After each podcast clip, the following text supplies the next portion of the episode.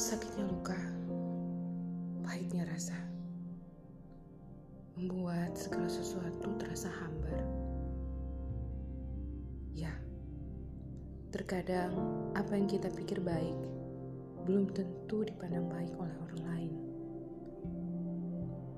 Dan jika dipikir, dengan siapakah keteguhan dan prinsip ini ditaruh dan dipegang?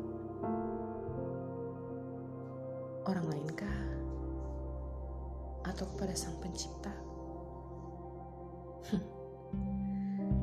Ah, sering kali ingin berego, namun kekuatan iman mengalahkan hal tersebut.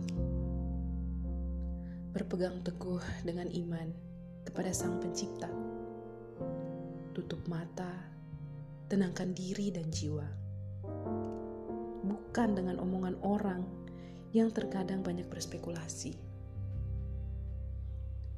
Di akhir kata, selamat berhari Minggu.